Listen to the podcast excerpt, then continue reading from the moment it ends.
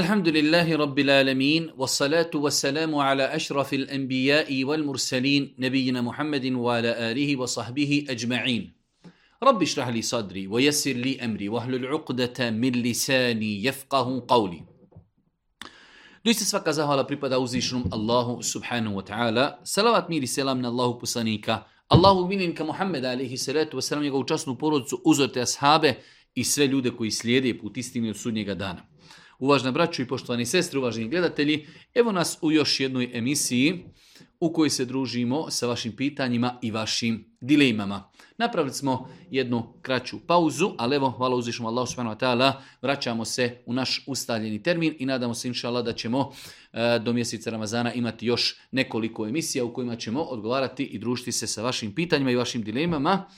Ako smo dobro brojali, ovo je naša 42. emisija. U prosjeku u jednoj emisiji odgovaramo o 40, 50, pa nekada, ako su malo duže emisije, i 60 pitanja. Doista je mnogo pitanja koja stižu i pristižu na naš e-mail. Nemoguće je da odgovorimo na sva pitanja, niti na većinu pitanja koja dolazi, tako da unaprijed tražimo halala od svih onih kojima ne uspijemo odgovoriti na njihova pitanja. Večerašnje prvo pitanje kaže koliko čovjek mora biti udaljen od mesđida da mu ne bude obaveza ići na džumu? Jedno poteško i kompleksno pitanje, kom je obaveza ići na džumu? Pa su kazali islamski učenjaci kao jedna velika odrednica, ako insan živi u gradu u kojem se organizuje i klanja džuma, njemu je obaveza da klanja džumu bez obzira koliko bio udaljen e, od džamije. E, znači, kada je u pitanju džemat, islamski učenjaci koji kažu da je obaveza namaz u džematu, kazali su obaveza je onome ko čuje proučen ezan bez mikrofona. Znači, insan koji čuje učenje ezana bez mikrofona, po mišljenju dijela islamskog učenjaka, tako insanu je namaz u džematu obaveza. E sada mi govorimo o džumi. Da li je takav propis isti za džumu? Kazao su islamski učenjaci da je propis malo širi i veći, e, tako da ljudi koji žive u jednom gradu u kojem se organizira džuma, takvim ljudima je obaveza otići na džumu, za razliku od insana koji bi bio u mjestu u kojem se ne klanja džuma, on će klanjati podne ili je to daleko je izvan nekog grada u kojem se klanja džuma, opet takvoj osobi nije obaveza da znači dolazi na džumu, ako dođe dobro i došao, ako ne dođe klanjat će namaz. Tako da rezime odgovora je osobe, ljudi koji žive u gradovima u kojima ima organizirano klanjanje džume namaza, njima je obaveza da klanjaju džumu namaz, a ljudi koji žive u gradovima u kojima nema džume namaza klanjaće će podni ili eventualno ako neko živi izvan nekog grada daleko, znači iako u tom gradu ima džuma, a on je izvan grada, takvoj osobi nije obavezna džuma. Jedno malo duže pitanje, živim u Zenici, u dijelu grada gdje mogu čuti tri ili četiri jezana sa različitih džamija. Kada nekad ne mogu ići u džamiju da klanjam i klanjam kod kuće, nekad ezan ne počnu baš na vrijeme, iz jedne džamije se čuje ezan minutu prije, poslije i tako dalje. Pitanje je kako da se ponaša insan koji nije stigao da ide u džemat, kako će znati kada da klanja namaz. Mi smo više puta odgovarali da jednostavno ne možemo mi vezivati e, namaz za učenje ezana muezina. Da, većina muezina, elhamdla, trude se uči na vrijeme. Ali šta ako se desi, primjer, radi podne namazi u 12? Muezin kasni i uči će tek ezan u 12 e, i 5. Da li mi moramo čekati 12 i 5 da klanjamo ili nam je bitna pojenta da je nastupilo namasko vrijeme? Nekada ako čujemo od 3-4 džamije različite učimo, jedna je tek počela, druga završava, jedna i tako dalje. Pa je pitanje, mi možemo početi klanjati onog momenta kada budemo sigurni da je nastupilo namasko vrijeme. Da li su ezani počeli ili nisu, da li su završili ili nisu, e, znači uopšte to nije glavno mjerilo. Svakako insan koji klanja u džematu, on se vodi prema ezanu. Ali govorimo za ljude koji klanjaju kući ili žene koji klanjaju kući, oni mogu klanjati onda kada budu sigurni da je nastupilo namasko vrijeme, Bez obzira da li je ezan počeo ili nije, da li kasni ili ne, shodno, znači da li je nastupno namasko vrijeme ili ne. Treće pitanje, malo čudno, ali eto, rekli smo da imamo nekad i čudnih pitanja. Da li je dozvoljeno korištenje šampuna prilikom gusul kupanja? Oprostite što pitam ovako banalno pitanje, ne znam da postoji u islamu neka zapreka da se koristi šampon prilikom kupanja ili uzimanja gusula, osim možda u slučaju ako bi u tom šamponu bilo nešto što je nečisto, pa da insan iz tog razloga ne koristi šampon. Ali ovi šamponi koji su opće poznati e, danas, znači našem svijetu i našem narodu koji se koristi, koji se mogu kupiti u klasičnim prodavnicama, klasičnim supermarketima, znači ne da kažemo e, da li je dozvoljno svakako da je to e, pohvalno i lijepo koristiti kako bi se čovjek dodatno očistio, okupao, otklonuo od sebe e, nečistoću, eventualno nečistoću sa tijela, tako da nema nikakve smetnje da čovjek koristi e, sredstva higijene, da li sapun, da li šampon prilikom uzimanja gasula ili kupanja. Danas u džami u toku hudbe jedan je už E, hudbe ušao je neki mladić i klanjao dva rekiata te jutru Imam nakon završetka hudbe kada se spustio sa Mimberije okrenuo se ka narodu i rekao da to ne smije da radi i tako dalje. Pitanje je, znači da pojasnimo propis klanjanja dva rekiata e, tahijetul mešćida kada uđe čovjek u džamiju, a imam je već, već na Mimberi i drži hudbu. Znači, insan petkom kada dolazi u džamiju, e, lijepo je da klanja dva rekiata tahijetul mešida i sjedni i čeka početak hudbi. To je znači, inšala, jasno pitanje.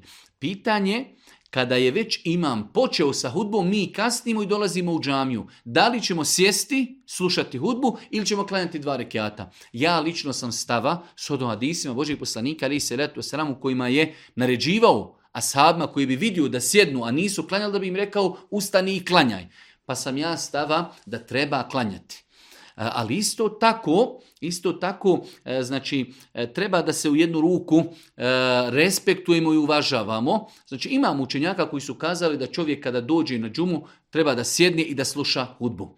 Pa mislim e, da insan koji je došao ako već kasni na, e, ako već kasni na hudbu, da ne privlači pažnju, treba negdje da stani u neki čošak gdje ne umjeta ljude i njihovo slušanje hudbi i da lagano klanja dva rekiata i da sjedni.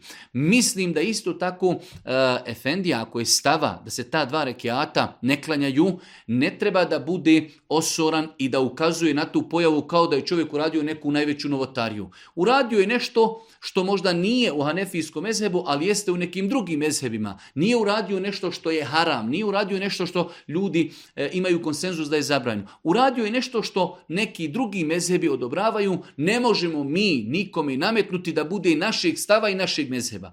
Možda taj insan koji je došao, možda je musafir, možda taj insan koji je došao ne slijedi mezheb kojeg mi slijedimo, možda slijedi određen hadis i tako dalje. Tako da nam treba u takvim pitanjima tolerancije, lično sam stava kada čovjek dođe e, znači, u periodu dok imam drži hudbu, treba klanjati dva rekiata prije nego što sjedni, ali će klanjati negdje u čošku kako ne bi ometao ljude svojim znači klanjanjem od slušanja hudbe. Isto tako s druge strane smatram da je greška upozoravati, ljutiti se na ljude koji klanjaju. Ako sam ja stava da to ne treba činiti, onaj čovjek je drugog stava da je to dozvoljeno, da treba da tako radi. I moramo se međusobno uvažavati.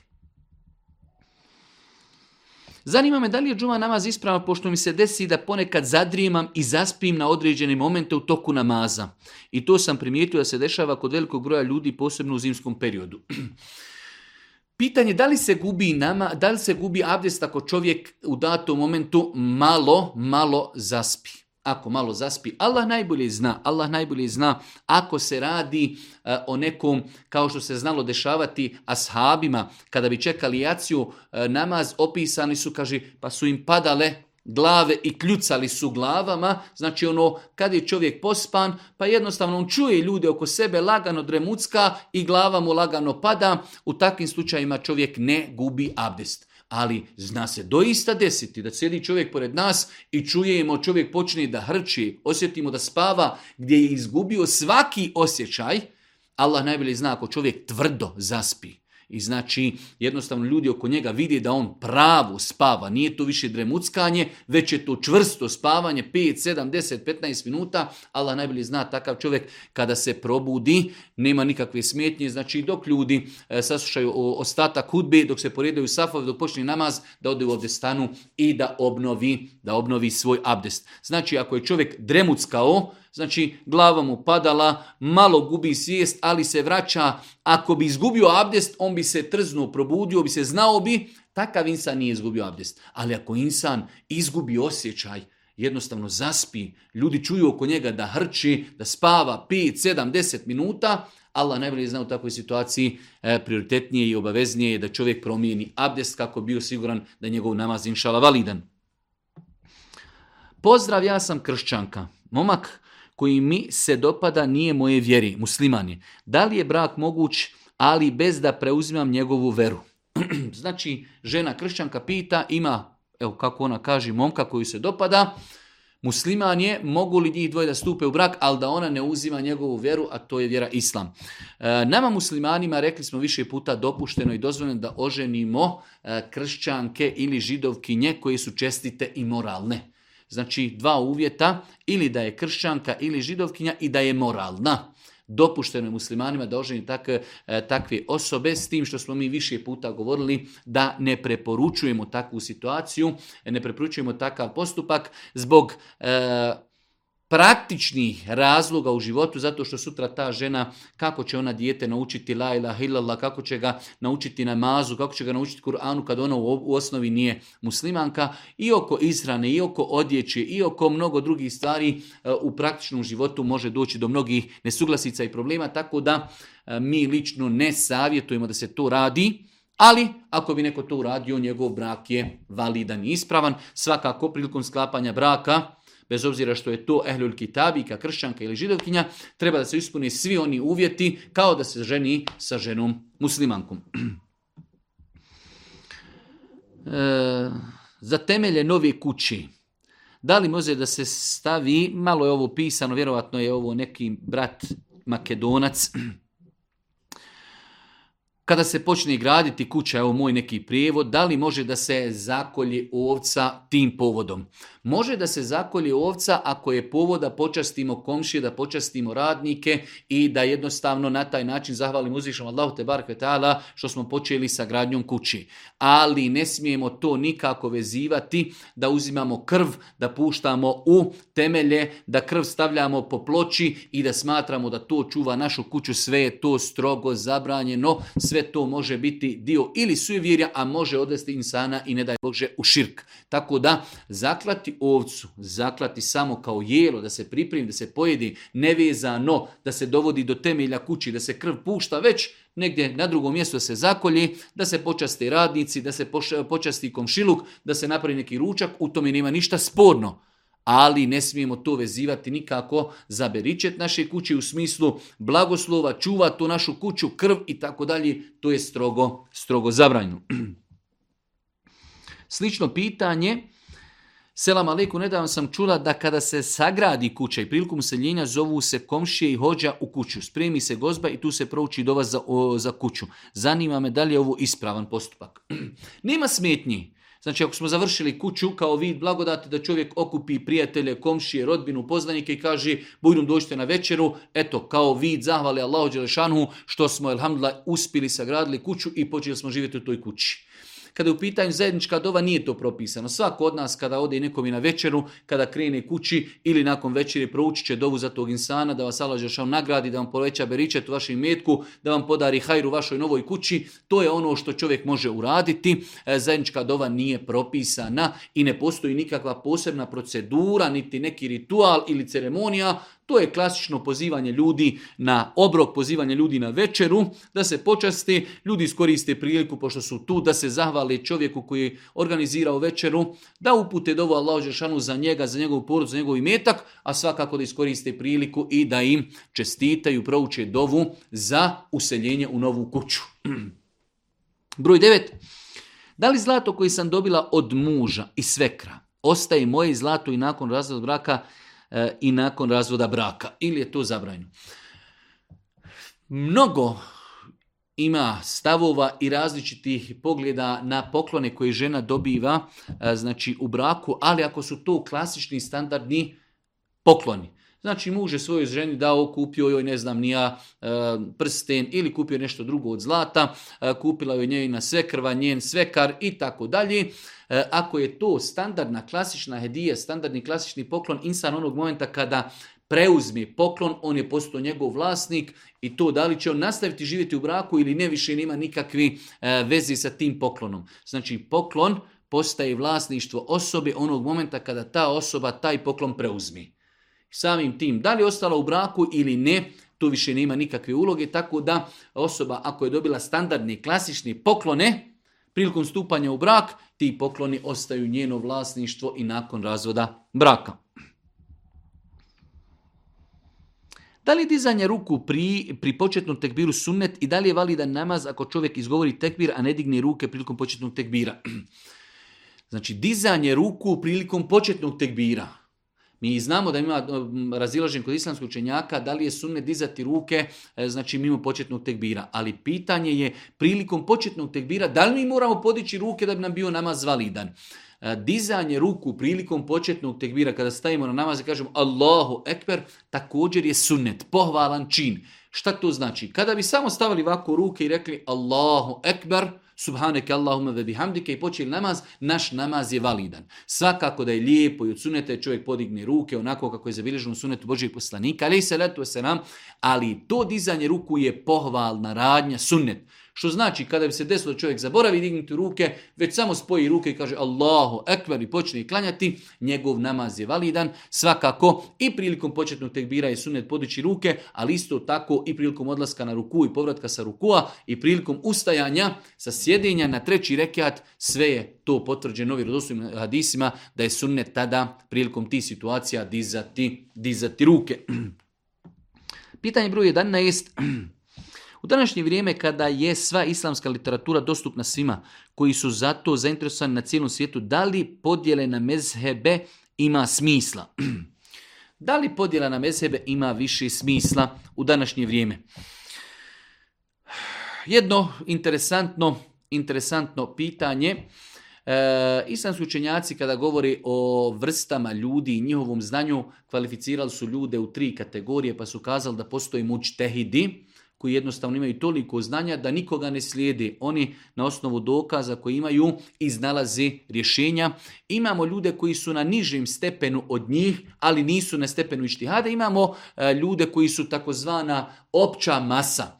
Ta opća masa, ona nema mogućnost da izučava vjeru i jednostavno e, ona vjeru uči od nekog učenog insana, tu je njen autoritet i ona se pridržava vjere shodno onome što čuje od tog svog autoriteta.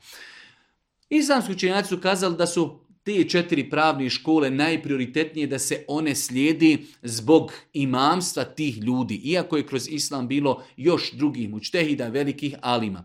Ja lično smatram da čovjek, e, znači prvenstveno treba u svom svakodnevnom životu da se trudi da kada praktiku određene stvari da traži dokaze Kur'ana i sunneta i da e, bez obzira e, u kojem mezebu našao ispravan stav i mišljenje. Ali ako ima kompetenciju da to odluči i ako to i da to odabere. Ako nema kompetenciju, definitivno, pogotovo što su knjige e, fikha kroz mezhebe pisan je način da čovjek nauči osnove jednog mezheba. Nakon toga, ako, ako hajde da kažemo, e, još nastavi sa tražim znanja, može doći na nivo da može praviti komparaciju između drugih mezheba. Tako da e, ovo pitanje je poprilično kompleksno. E, potreba za mezhebima sigurno i dalje postoji da bi čovjek naučio jednu pravnu školu, da bi naučio znači jedan mezheb pristup e, dokazima Kur'ana i sunneta, e ako čovjek uznapreduje,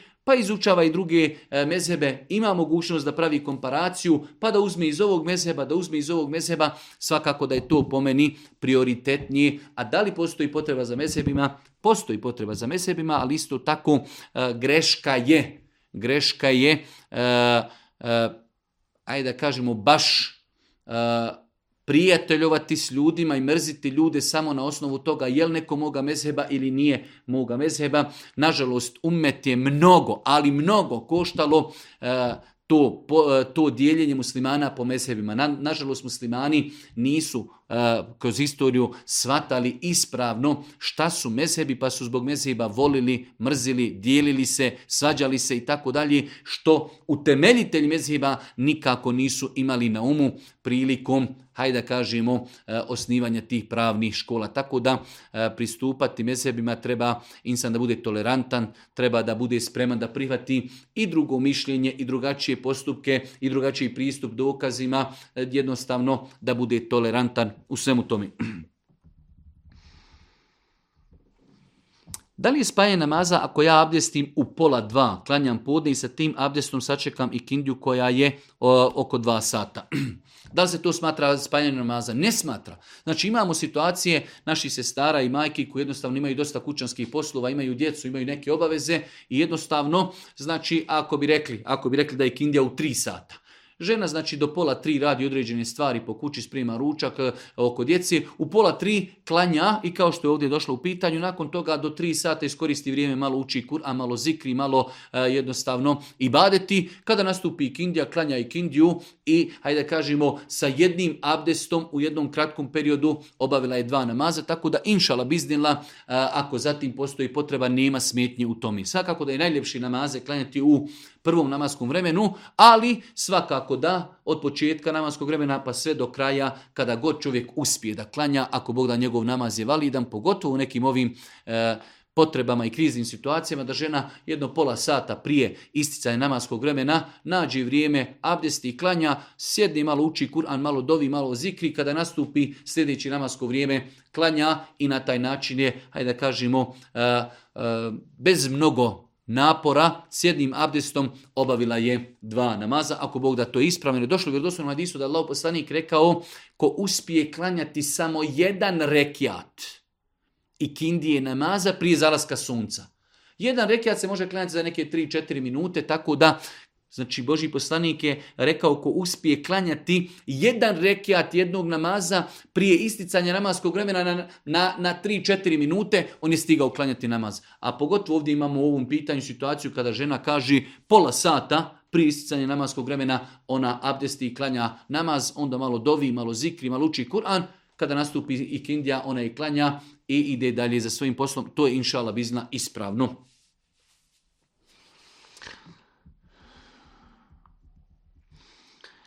Jedno malo duže pitanje, već godinu i pol dana muž i ja pokušavamo prirodnim putem da ostanemo u drugom stanju, međutim bez uspjeha.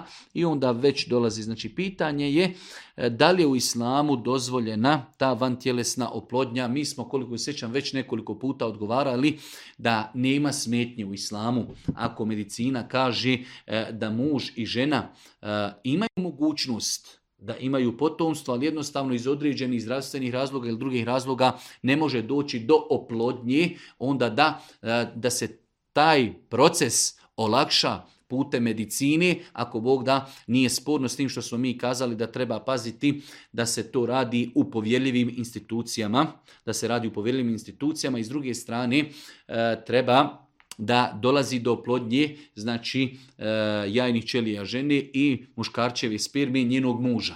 Neispravno je e, ako bi se desilo primjer radi da žena ne može imati potomstva, ali muž eto nađi znači jajne čeli od neke druge žene, njegova sperma i ubrizga se u njegovu suprugu i ona to nosi kao da je to njevo dijete. To je apsolutno neispravno. Znači opcija da dođe do van tjelesne oplodnje e, izvan maternice totalno i da se to E, dodatno ubrizga u suprugu je ispravno, ali to mora biti znači jajne ćelije supruge i sperma njenog muža ili eventualno e, u datom momentu čak da se ta oplodnja znači e, ubrizga prije oplodnji da se ubrizga u maternicu supruge sve je to ako Bog da ispravno samo treba paziti znači da to bude u povjerljivim institucijama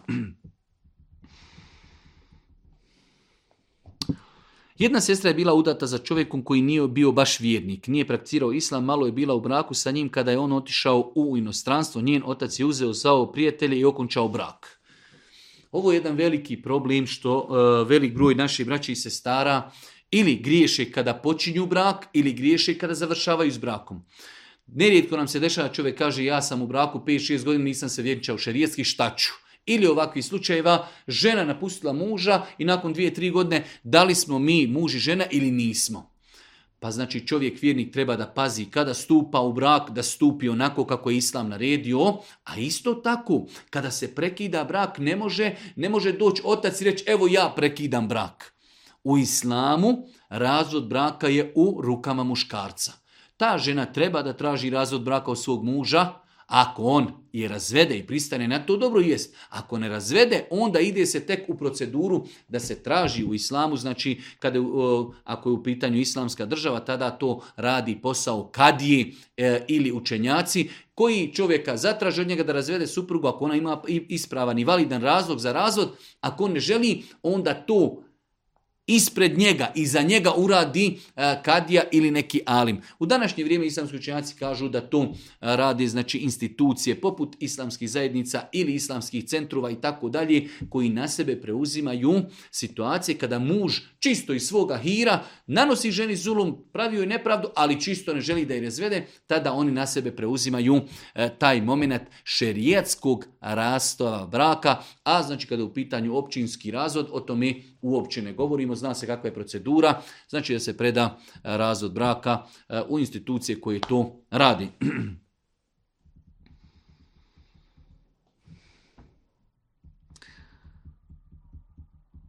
Zanima me da li osoba ima status putnika ako boravi u određenom mjesto 5 dana radi obrazovanja, obuke. Zatim se vrati u svoj grad i svoju kuću na dva dana te ponovo odlazi u mjesto obrazovanja.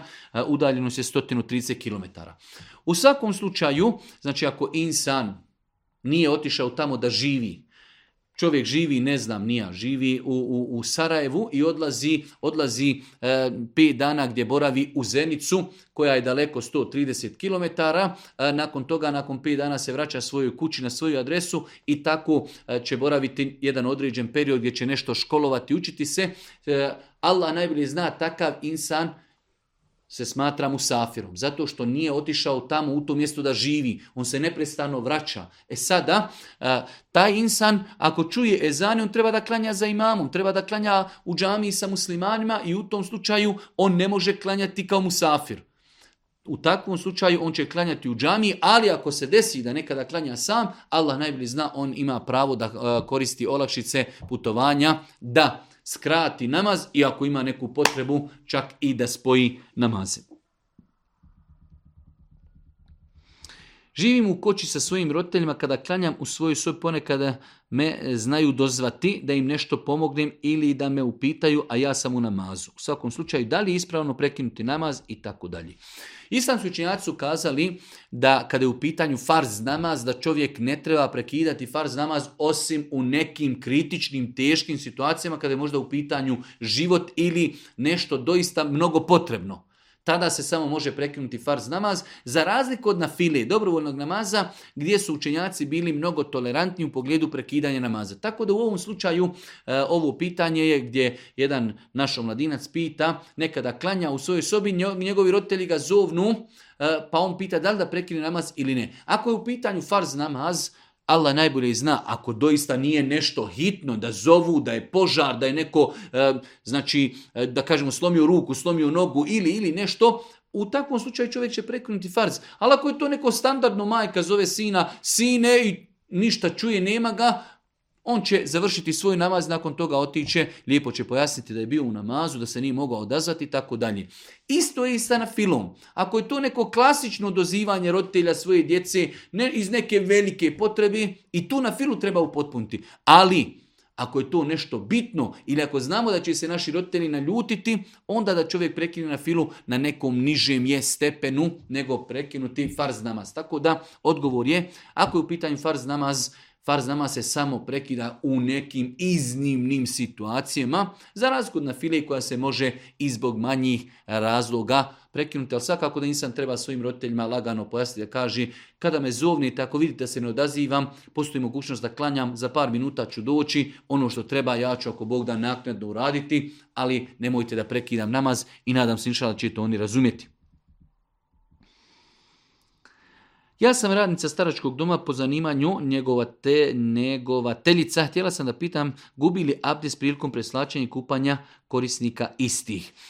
E, bez sada da ulazim u detalje rada u takvim institucijama, trebalo bi da se trude žene koji rade kao njegovateljice, da radi u staračkim domama gdje su e, znači e, usluge koriste žene, a muškarci da rade u domama gdje su konzumenti muškarci.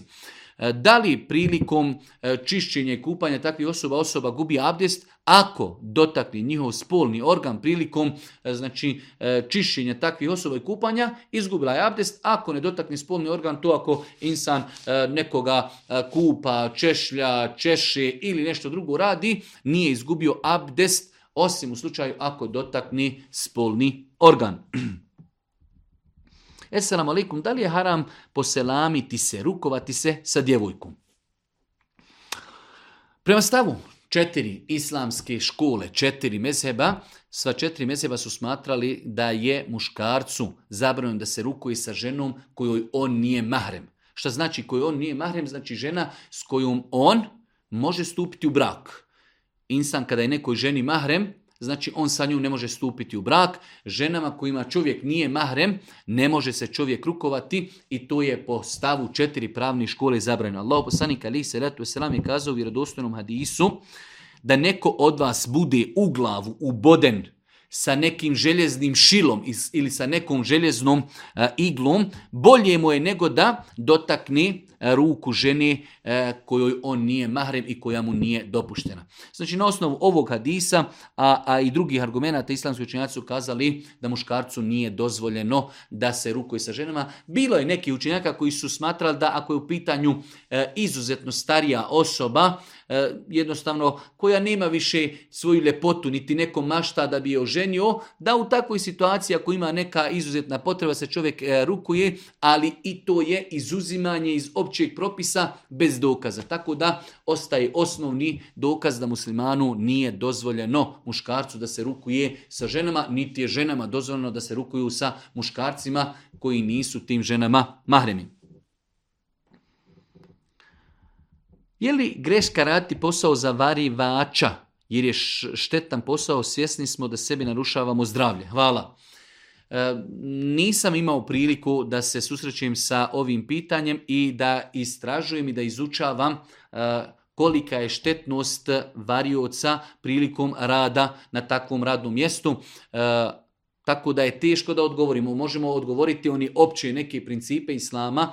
Ako insan može da radi takav posao i da koristi neku masku, da koristi neku zaštitu na način kako bi zaštitio sebe i svoje zdravlje, svakako da je to potrebno. E sada, koliko to doista šteti, koliko čovjek dugo radi, koliko e, ima potrebu za takvim poslom, sve su to neki faktori koje čovjek treba da uzme u obzir da bi dao potpun odgovor na ovo pitanje, tako da ovo pitanje treba djelimično vratiti i na struku. E, znači da struka, e, medicina ili nauka kaže koliko doista taj posao šteti čovjeku, koliko se čovjek prilikom e, rada može zaštititi putem maski ili na neke druge načine, e, koliko čovjek u toku dana može da radi taj posao pa da odmara i tako, koliko ima potrebu za tim poslom, sve te stvari čovjek treba da uzme u obzir prilikom davanja odgovora da li raditi takav posao ili ne. Zanima me zašto je u islamu zabranjena muzika. Mene kao svirača, gitari i tekstopis, e, To mnogo interesuje. Hvala unaprijed, veliki selam iz tog i tog grada. U svakom slučaju mi smo više puta govorili eh, da četiri pravne škole iako tada je muzika i muzički instrumenti su bili stotinu i hiljadu puta na nekom e, nižem i blažem nivou na kojem se sada trenutno nalazi i muzika i muzički instrumenti, ali se četiri pravni škole i hanefijski mesep i šafijski, malikijski, ambelijski smatrali su muziku i muzičke instrumente zabranjenim. E, na osnovu opet hadisa Božih poslanika ali se letu sram, tako da e, vjernik bi trebao prvenstveno kada e, traga za istinom i propisima da pita za propis njegovo utemeljenje u Koranu i sunnetu. A zašto je određena stvar zabranjena? Uzvišen Allah subhanahu tara najbolji zna zašto je zabranio svojim robovima muziku i muzičke instrumente. Kazali su islamski učenjaci, navodili su mnoge stvari predpostavljajući pretpostavljajući i shodno činjeničnom stanju a, i e, pokazateljima zašto je muzika zabranjena, ali nama je prvenstveno bitno da znamo da su hadisi vođeg poslanika, ali se ratu sram jasni u pogledu toga. Sve četiri pravne škole su zauzele stav onda kada su muzički instrumenti bili daleko, daleko od onoga na čemu se danas nalazi i muzika i muzički instrumenti, tako da znači nema nikakve sumnje da je slušanje muzike, bilo kakva to bila muzika, da li to bila muzika, glazba, vakva, onakva, bilo koja muzika koja nastaje kao plod korištenja muzičkih instrumenta u islamu je zabranjeno. Da li sam griješan ako slušam narodnu ili zavrnu muziku kada se, da bi se opustio poslije napornog dana i teškog dana na poslu? Rekli smo da je prema četiri, stavu četiri pravne škole e, slušanje muzike zabranjeno. Čovjek koji želi da se opusti, može se opustiti slušajući učenje Kur'ana, može se opustiti e, znači slušajući neke druge korisne stvari, da li su to ilahije bez muzike, e, da li je to neki lijep sadržaj nekog dokumentarca i tako dalje, čitanje korisnih stvari, učenje Kur'ana, zikrullah, dova i tako dalje. Mnogo je drugih načina šetnja, e, mnogo je drugih načina kako se čovjek može relaksirati nakon umornog dana, e, teškog dana, tako da ne dolazi u obzir slušanje muzike.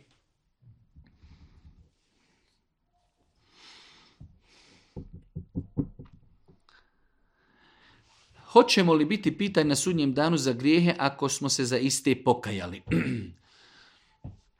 ako smo se pokajali za grijehe, mi se nadamo, ako je ta teuba bila iskrena, da uzvišeni Allah te barke ta'ala neće insana pitati za te grijehe. Mi se nadamo da uzvišeni Allah subhanahu ta'ala neće pitati, jer kažu islamski učenjaci čak i e, bez toga da će čovjek biti kažnjen, ali samo postavljanje pitanja čovjeku je vid azaba i vid patnje, pa kažu islamski učenjaci da je prioritetnije mišljenje, ono mišljenje u kojem stoji da insan kada se pokaje od određenog grijeha, da ga uzvišeni Allah za taj grijeh neće uopće pitati na sudnjem danu, makar mu i oprostio. Znači, mi ovdje ne govorimo o oprostu. Znači, bio je dio učenjaka koji samo kazao, Allah Đelšanu, bez obzira što se pokaju za taj grijeh, on će te pitati za taj grijeh, ti ćeš kazati, gospodara sam se od tog grijeha pokajao i to je to. Ali drugi dio učenjaka je kazao, neće čovjek biti ni pitan zato što samo postavljanje pitanja i sam taj obračun već čovjeku predstavlja e, znači e, strah, tegobu, a svakako da čovjek već se pokaja od tog grijeha i nadamo se inša Allah da mu je to oprošteno i da neće ni biti pita na sudnjem danu za taj grijeh.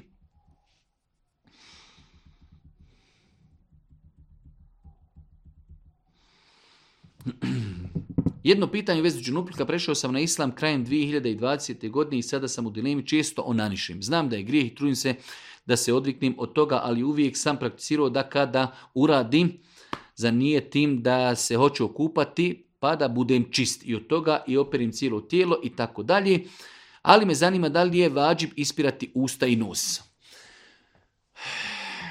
Allah najbolje zna kada je u pitanju gusul, čovjek prilikom gusula treba prvo da opere usta i nos, ako neće ono da gusul uzima potpuno, potpuno, ali obaveza zato što u islamu usta uzimaju propis vanjštine čovjekovog tijela. Mi kad postimo možemo, možemo uzeti vodu u usta i držati vodu i mi nismo pokvarili post. To nam ne smeta. Kada abdestimo, mi ispirimo usta i nos i to nam nije pokvarilo post. Što znači naša usta e, jednostavno uzimaju propise vanštine našeg tijela. Samim tim, kada mi se kupamo, treba da okupamo cijelo svoje tijelo, samim tim treba da ispirimo usta i nos. Ako je neko primio islam, pa je se kupao u određenom periodu e, na način da nije ispirao usta i nos iz neznanja, Šta sad možemo tom čovjeku kazati dvije godine namaza i dvije godine džunuplu kada mu kajemo sve to trebaš napostiti, a on to sve radio iz neznanja? Ne, Islam je daleko od toga. Tako da ako insan radio neke stvari iz neznanja, mi mu kažemo da obaveza je da čovjek opere usta i nos. Od danas kada se podučiš i naučiš tom pitanju, to praktikuj eh, za ono što si uradio, pokaj se i to je to. Svakako, eh, Ovdje se vidi da ovaj e, brat naš zna propis, znači stav islama prema onanisanju jeste da je to zabranjeno. Onanisanje ili masturbiranju islamu je zabranjeno, a insan koji to uradi i doživi polu, e, poluciju, ela, e, znači izbacivanje sjemena, definitivno on je u džunup stanju i treba da se okupa kako bi mogao da klanja kako bi mogao da klanja namaze, kupanje će uraditi onako kako smo više puta pojašnjavali, ali u svemu tome obaveze da opere i usta i nos. Da li je u redu finansiranje izgradnje crkve u isto vrijeme dok osoba finansira i džamiju? Da li ulaganje u džamiju opravdava ulaganje u crkvu i obrnuto? Osoba živi u multietničnoj zajednici i očekuje riječi hvali od svih naroda i tako dalje, pogotovo od medija.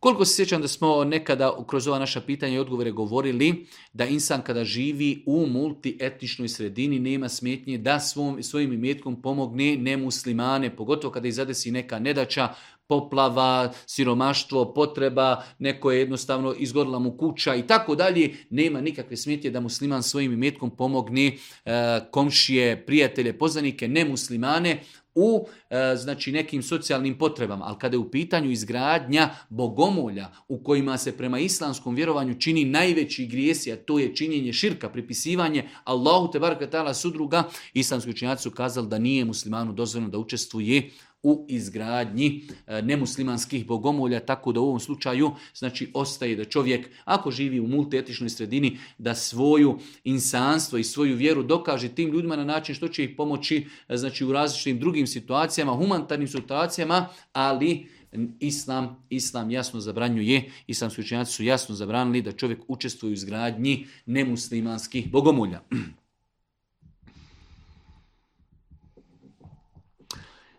Sad imam pitanje za vas, da li ja kao inšala buduća pokrivena sestra sam griješna ako ne mogu da ispostim Ramazan?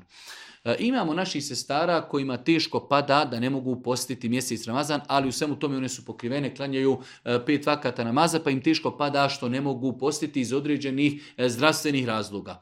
Allah Đelšanu je milostiv, zna stanje svojih robova, dozvolio je osobama koje su bolesne, starije osobe, iznemogle osobe, musafiri, žena u hajzu i nifasu, to su osobe koje ne posti. Tako da osoba koja je bolesna, bolešću, takvom da ako bi postila, to će joj povećati njenu bolest ili usporiti njeno ozdravljenje, ona ima validan razlog da ne posti. To što je pokrivena, e, to je jedan zaseban vađib kojeg je ona ispunila. To što ona obavlja namaz, to je jedan zaseban e, vađib kojeg ona ispunjava, ali je post i badet u kojim se e, uvjetuje da mi to možemo izdržati. Čak su islamski učenjaci kazali da čovjek kada bi postio i na taj način dovodio u pitanje svoj život, svoje zdravlje, da mu može biti i haram da posti. Tako da e, znam da je mnogo od naših majki i sestara, pogotovo žene koji su godinama postile, da im je teško da dođu u neku e, fazu svoga života kada su bolesni, da ne mogu, ne mogu postiti,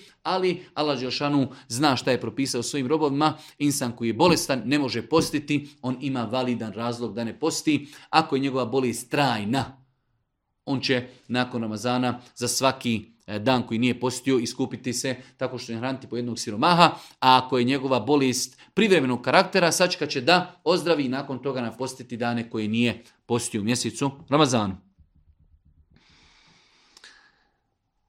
Kada dvije ili tri žene klanjaju i kada jedna od njih predvodi namaz, da li je farz da se na farz namazu sastavljaju stopala sa osobom koja pored, e, pored klanja?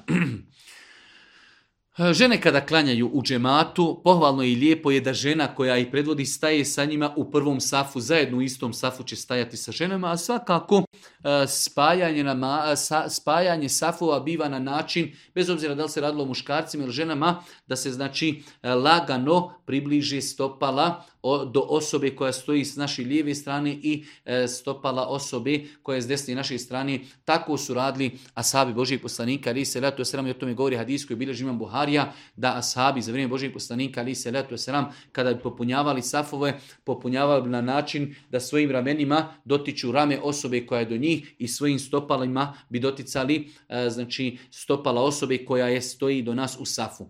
Čovjek će tako raširiti svoja stopala onoliko koliko su široka njegova ramena. Osoba koja je pored njega, ako ne praktikuje taj sunet pa je sužila znači noge, nećemo se mi dodatno širiti kako bi spojili svoja stopala sa njim, već ćemo se raširiti onoliko koliko su široka naša ramena. Ako nam se taj insan približi, mi ćemo spojiti svoja ramena sa njim i spojit ćemo svoja stopala sa njegovim stopalima, bez obzira da li se radilo o muškarcima ili ženama.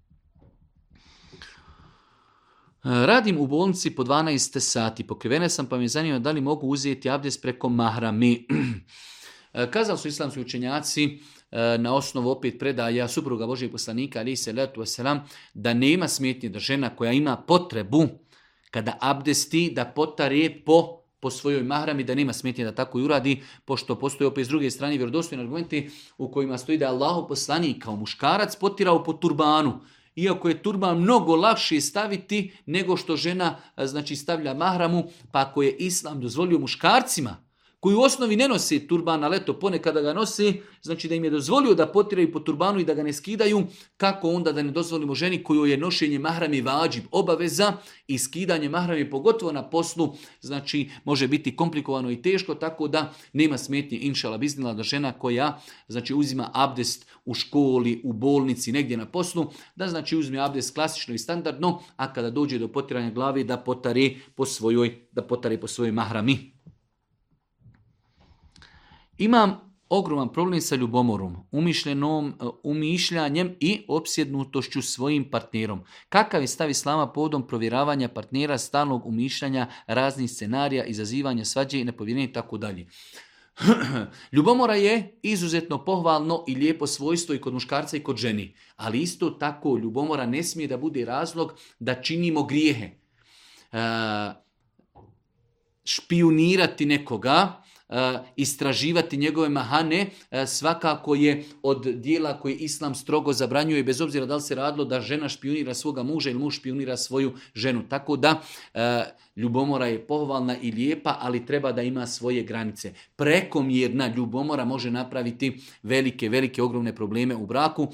Žena treba da vjeruje svojem mužu, muž treba da vjeruje svojoj ženi i zato smo govorili da je veoma bitno da muž i žena pazi na, na povjerenje, da ne otvaraju vrata šeta svojim nepromišljenim postupcima gdje će otvoriti vrata šubama, nejasnoćama i sumnjama zašto tako radi, zašto se tako ponaša, zašto se sakriva, zašto ne dozvoljava da pogledam njegov mobitel, zašto, zašto, zašto. Supružnici treba da pazi na povjerenje, da ne otvaraju vrata sumnjama, ali isto tako znači ljubomora e, ne smije prijeći granice do te mjere da počnu e, supružnici jedno drugo špionirati i istraživati njihove mahane, tako da insan treba da e, do određene granice hajde da kažemo je ljubomoran, nakon toga da kaže između tebe i tvoga gospodara. Ja ne želim da te špijuniram, ako se ne bojiš Boga kada si negdje u osami i radiš određene grijehe, to mene ne interesuje. Kada ima dnem crno na bijelo da si uradio neki grijeh, tada možemo o tom i razgovarati,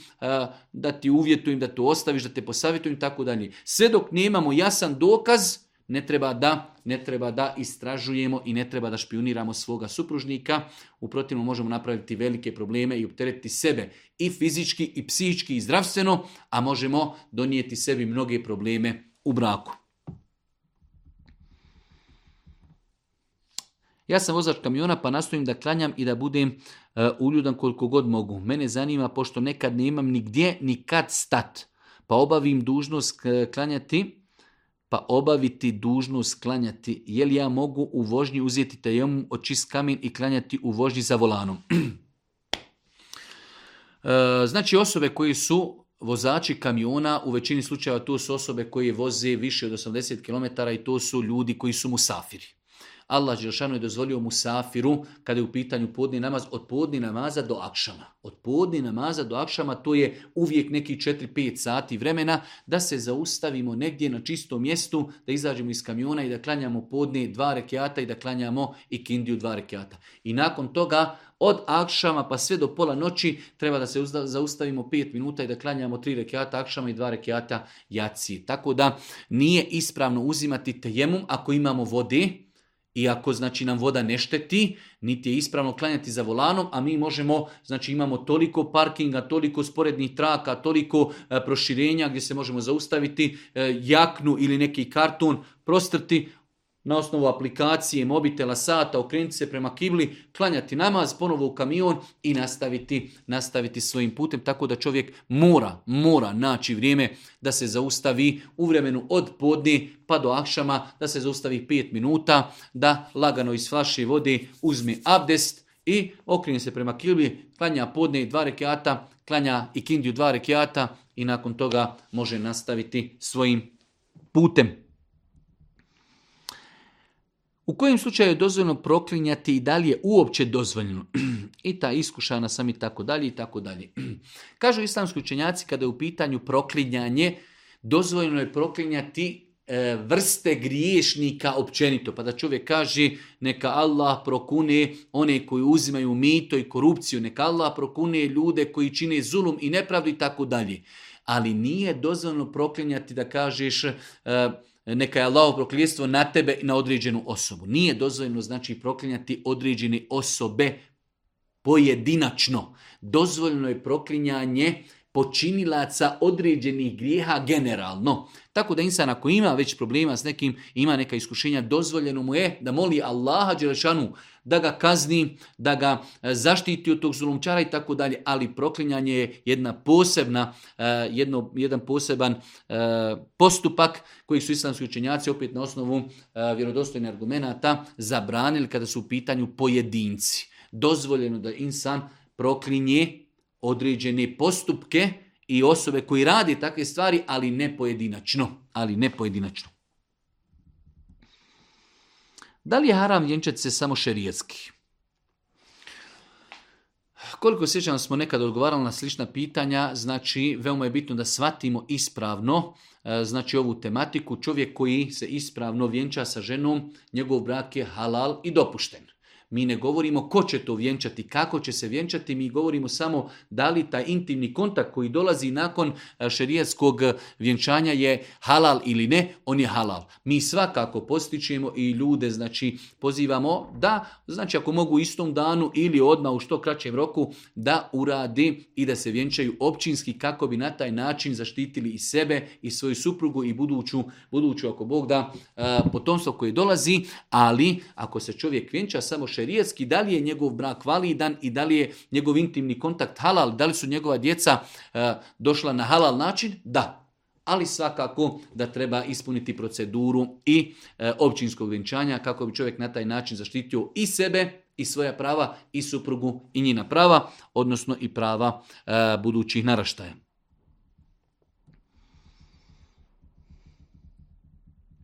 Žena mi je išla na hijjamu kod čovjeka koji je poznat tu kod nas u jednoj državi u Europi. I svako mu ide. Međutim, ona je morala gornji dio da skine odjeće da bi uradila normalno hijjamu na leđima. On je njoj rekao da mu se e, i tako dalje. U svakom slučaju, e, znači, da li muškarac može da radi hijjamu ženama? Generalno je pravilo, ne može.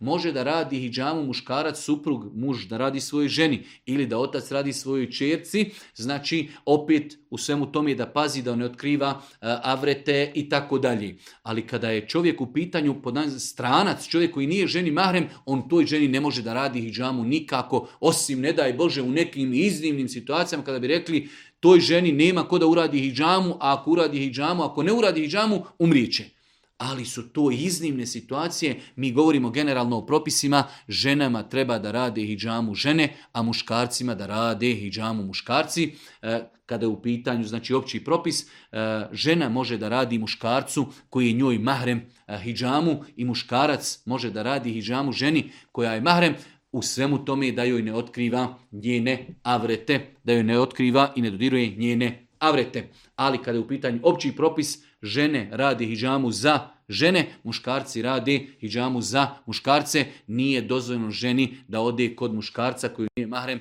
i da joj radi hijjamu. Ako dođe do razvoda braka između supružnika koji su ispravni postupci, koji su ispravni postupci u tom procesu da bi taj razvod bio va, validan i valjan sa širijetske strane. Nažalost, više puta smo ukazivali na pojavu da velik broj ljudi ne zna na ispravan način završiti svoj brak. Znači, ljudi imaju problema ili iz nekih drugih razloga žele da završe svoj e, brak, znači žele da se razvedu. Da bi brak bio posunjeti, da bi bio ispravan, treba da se desi razvod braka u periodu čistoće kada muž još nije spavao sa svojom ženom.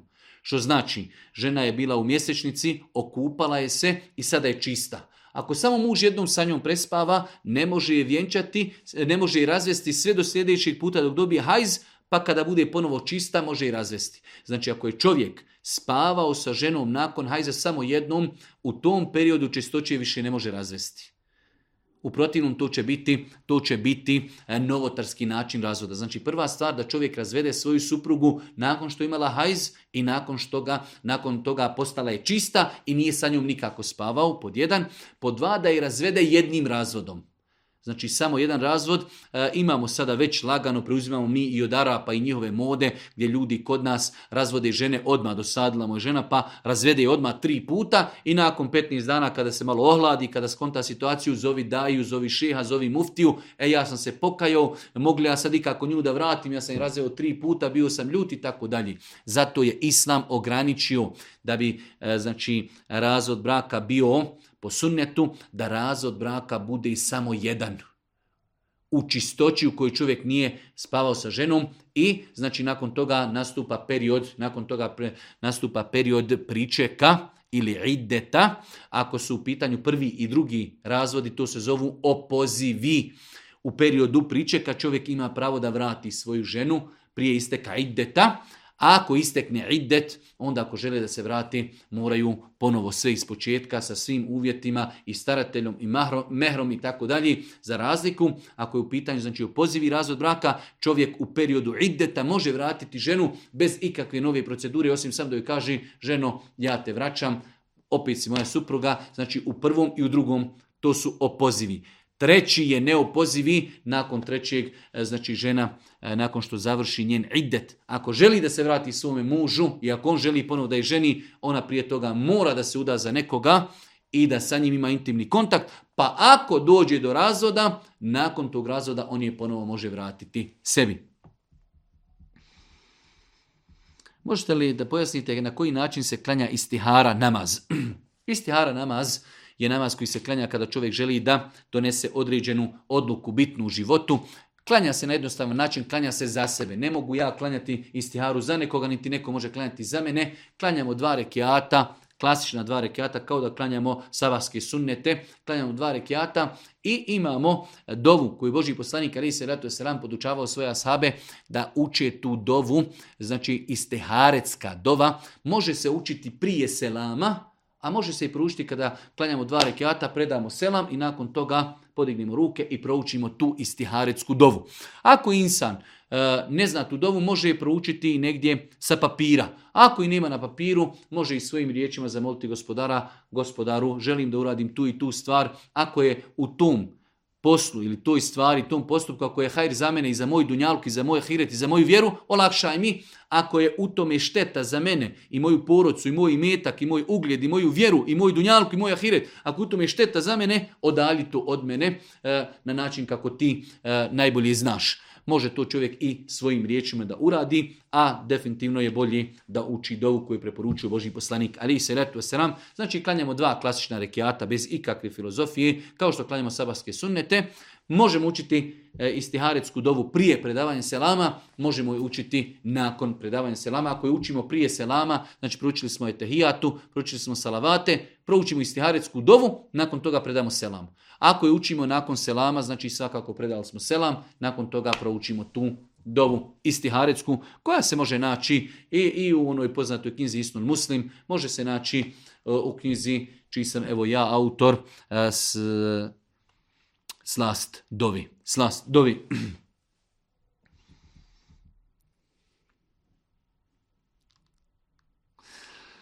E, možete li pojasniti propis šerijatskog sklapanja braka? Negdje sam čitala da je brak sklopljen onog momenta kada mladica nekim članom svoje poroce dođe kod djevojčine poroce, zatraži ruku djevojke te ona i njen staratelj jasno se izjasni da daju svoju pristanak uz određivanje mehra, pristo se doka i tako dalje.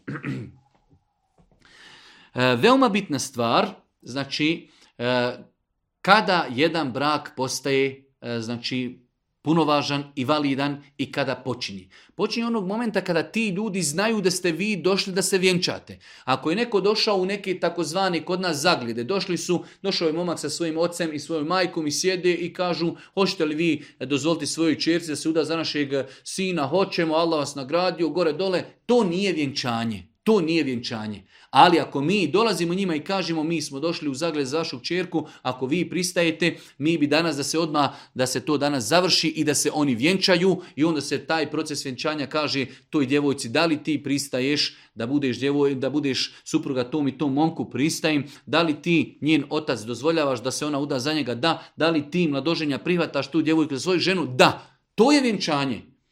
To što ljudi nekad daju neku kažu dobro, mi dopuštamo. Nakon tri dana oni čuju nešto novo o momku i oni kažu ne, ne, mi ne dopuštamo. Tako da taj odlazak u neke takozvane zaglede ili upoznavanje, to nije šerijetsko vjenčanje. Bez obzira možda što na tom šerijetskom, e, na, tim zagledama ili upoznavanju, njen otac kaže dobro, ja nemam ništa protiv da se vas dvoje uzmijete. Ali to još nije vjenčanje.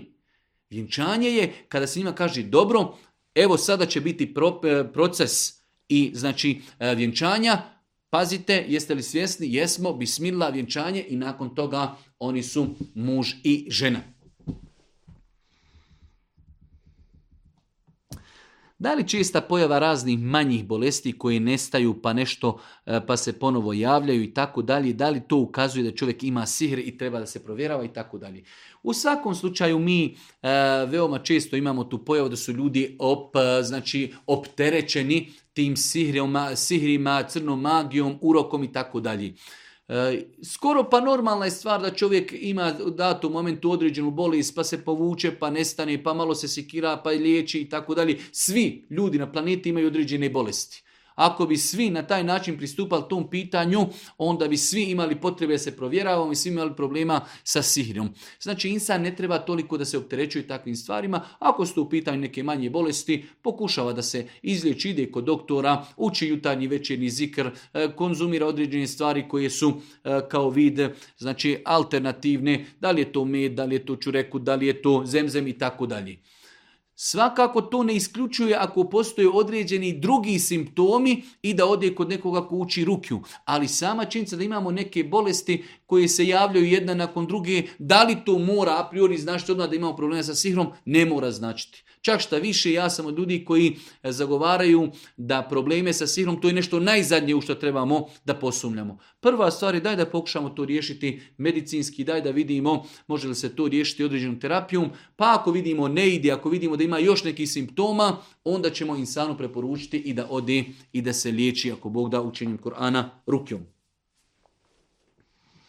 Šta reći na današnje oblačenje hlača kod žena, pa čak i skroz uskih, a nosi hijab. Šta kazati, šta reći? Samo kazati inna lillahi wa inna ilaihi rađi'un. Doista smo mi, i Allahu se vraćamo, la hawla wa la kuvata illa billah na što je spao naš umet i naše sestre, majke koji nosi hijab, da jednostavno nisu shvatile šta je svrha hijaba i žena znači iziđe u uskim hlačama ili uskim helankama, ali eto sav njen hijab je na njenoj glavi. Imamo drugih žena koji nosi e, znači suknju i nosi široku e, košulju ili neki ogrtač, ali eto nije pokrila glavu i ova je otkrivena a ova je eto pokrivena samo zato što je pokrila glavu, tako da e, neispravno je haram, strogo, zabranjeno da žena izlazi iz kuće u uskim hlačama ili u helankama, bez obzira što je gore pokrila svoju, bez obzira što je pokrila svoju glavu, to je neispravan način pokrivanja. Ako je već žena odlučila radi Allaha da se pokrije, onda neka to radi onako kako su islamski učinjaci pojasnili u svojim knjigama kako treba da izgleda hijab žene muslimanki. Nema potrebe da svoj hijab i svoj islam bilo kome prilagođavamo. Mnogo ti žena to radi čisto zbog društva, zbog e, posla i tako dalje. Nema potrebe da svoj hijab i svoj islam prilagođavamo bilo komi. Islam je originalan i nema potrebe da ga prilagođavamo bilo komi. Izlazak iz, kući u hlačama ili helankama, bez obzira što žena ima na glavi mahramu, je haram strogo zabranjen.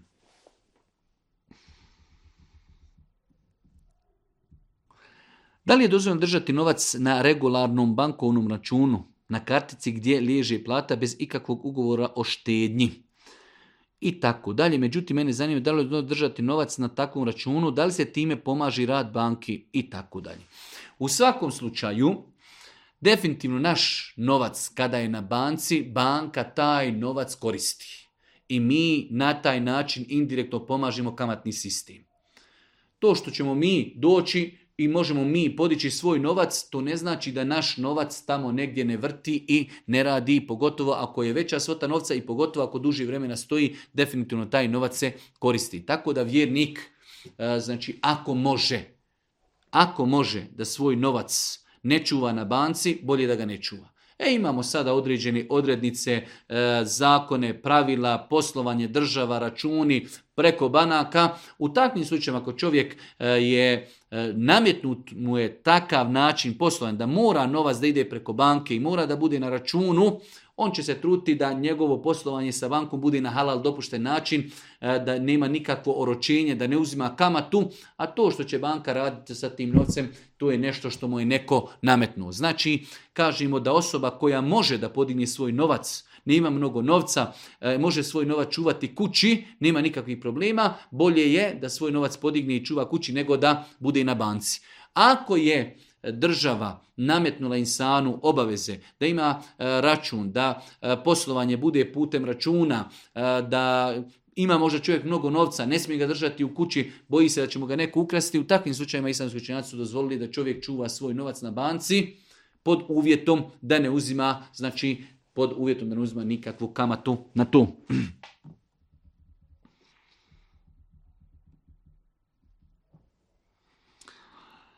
Imala sam situaciju kada sam morala zbog neke dokumentacije otići e, na par dana u jednu od zemalja kod očevih prijatelja. Međutim, oni tamo u toj kući gdje, gdje sam spavala imaju vino i rakiju i tako dalje. Da li je dozvoljeno klanjati namaz u kući u kojoj ima alkohola, u kući u kojoj ima slika, u kući u kojoj ima pas i tako dalje? Nema smetnje. Čak što više čovjek u vjerniku je obavez da klanja. Ali onog momenta čovjek kada želi da klanja, gledat će da mjesto gdje klanja je čisto. To je ono što on može. To što negdje na, na, na policama te kuće ima vina, to nama ništa ne znači. Mi ćemo se okrenuti prema, prema kibli E, znači provjerit ćemo da li tepih ili znači e, određena prostirka na koju ćemo klanjati ili čista, ako je čista mi ćemo tu klanjati ako Bog da i naš namaz je validan i ispravan.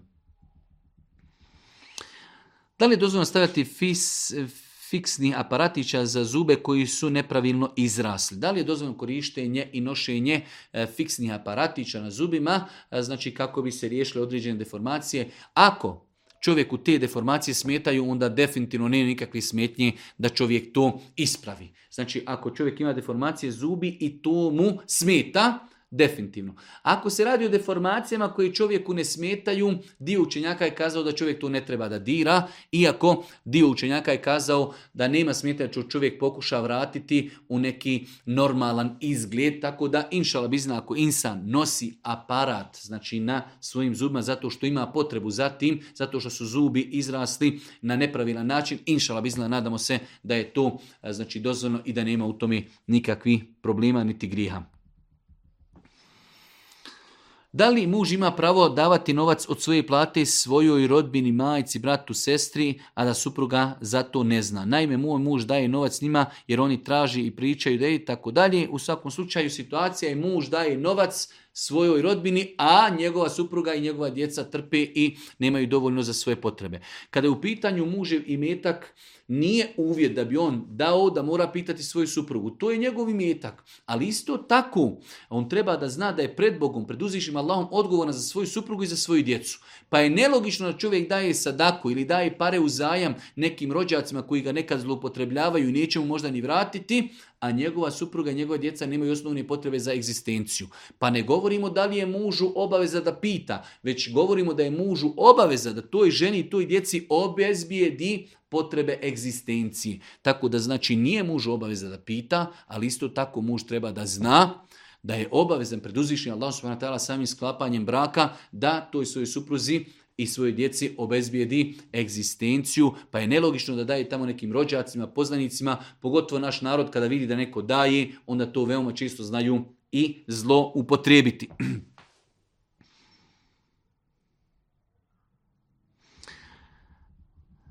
Imamo još dosta tih nekih pitanja, ali evo, pošto već sat vremena odgovaramo na pitanje, mi ćemo se ako Bog da ovdje i zaustaviti, pa ako Bog da u narednoj emisiji mi nastavljamo sa odgovorima na vaša pitanja i vaše dileme koji pristižu naš e-mail. Allah lašanu, molimo da nas učite na putu istine, da nam podari korisno znanje. Na kraju, subhaneke, Allahumma da bihamdike, ešhedu en la ilaha in stakfiruke, wa etubu ilaik. Oh, oh, oh.